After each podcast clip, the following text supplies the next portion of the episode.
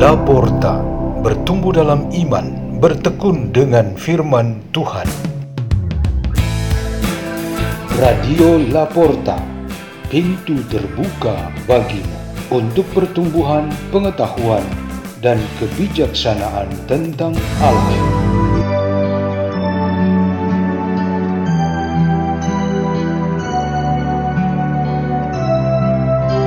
Bacaan dan Renungan Sabda Tuhan Hari Senin Pekan Biasa ke-10 6 Juni 2022 Peringatan Santa Perawan Maria Bunda Gereja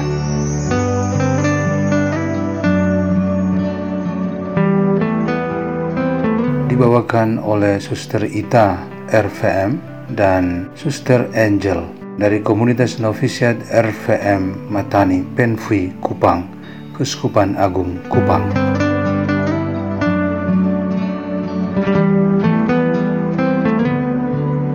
Inilah Injil suci menurut Yohanes.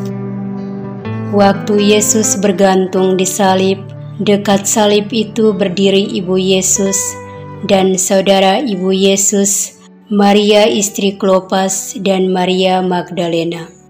Ketika Yesus melihat ibunya dan murid yang dikasihinya di sampingnya, berkatalah ia kepada ibunya, "Ibu, inilah anakmu." Kemudian katanya kepada muridnya, "Inilah ibumu."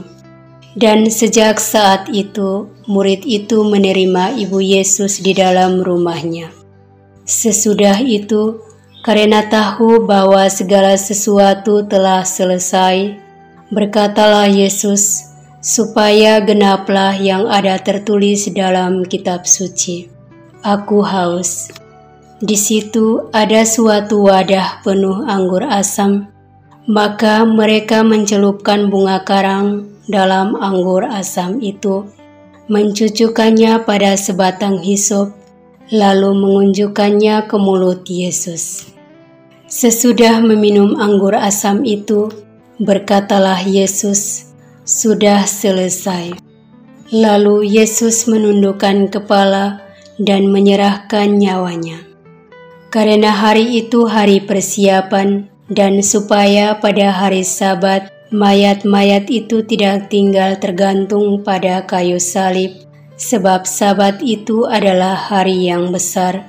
Maka datanglah para pemuka Yahudi kepada Pilatus dan meminta kepadanya supaya kaki orang-orang itu dipatahkan dan jenazah-jenazahnya diturunkan. Lalu datanglah prajurit-prajurit dan mematahkan kaki orang yang pertama dan kaki orang yang lain yang disalibkan bersama-sama dengan Yesus.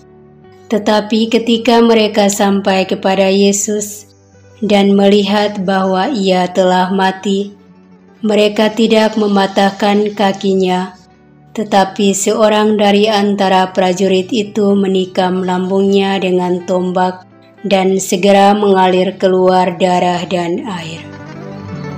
Demikianlah sabda Tuhan.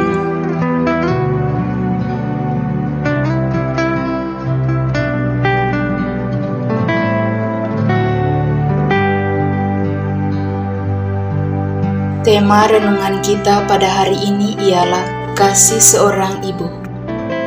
Pada suatu hari Minggu yang jatuh pada hari para bapak sedunia, Imam yang memimpin misa mengundang para bapak untuk maju ke depan altar sebelum berkat penutup misa.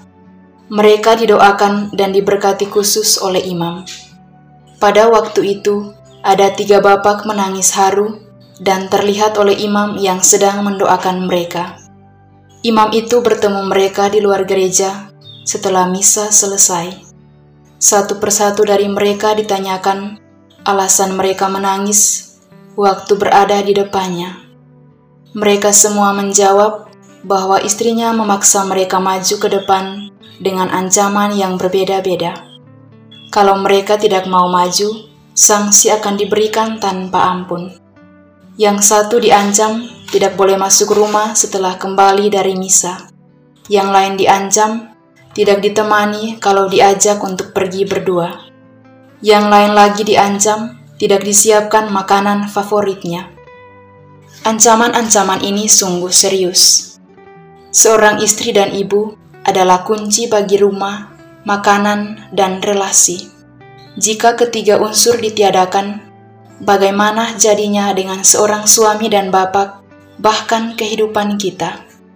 Ketiga bapak yang menangis seharusnya bukan karena istri mereka galak, tetapi sesungguhnya mereka sangat sedih dan sakit untuk kehilangan bagian kehidupan yang dibawa dan dihidupi oleh para istrinya.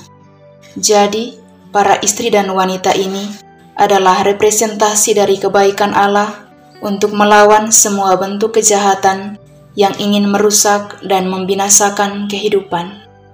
Kita berbahagia di hari peringatan Bunda Maria sebagai Bunda Gereja ini yang merupakan perayaan untuk menghormati dan memuliakan peran keibuan untuk seluruh gereja. Pada prinsipnya, gereja disebut ibu dengan alasan paling kentara, ialah karena Bunda Maria dipercayakan oleh putranya sendiri, Yesus Kristus, yang adalah kepala gereja sebagai Bunda Gereja. Yesus nyatakan itu secara langsung dan pribadi ketika ia bergantung di atas salib dan sesaat lagi akan wafat.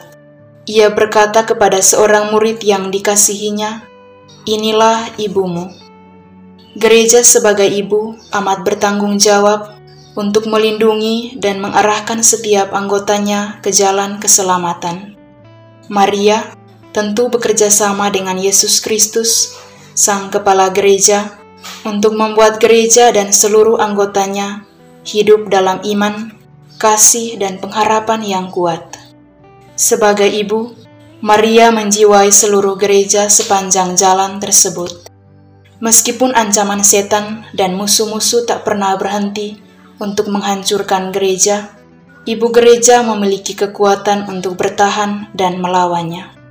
Perlawanan itu tidak pernah berhenti selama dunia ini masih berputar, seperti yang diwartakan oleh bacaan pertama pada hari ini. Marilah kita berdoa dalam nama Bapa dan Putra dan Roh Kudus. Amin. Ya Allah, semoga Bunda Maria selalu bersama dengan kami di dalam segala kesulitan kami, khususnya dalam saat-saat kesulitan dan ancaman musuh yang mematikan. Salam Maria, penuh rahmat Tuhan sertamu. Terpujilah engkau di antara wanita, dan terpujilah buah tubuhmu Yesus. Santa Maria, Bunda Allah, doakanlah kami yang berdosa ini sekarang dan waktu kami mati. Amin. Dalam nama Bapa dan Putra dan Roh Kudus. Amin. Radio Laporta, pintu terbuka bagimu.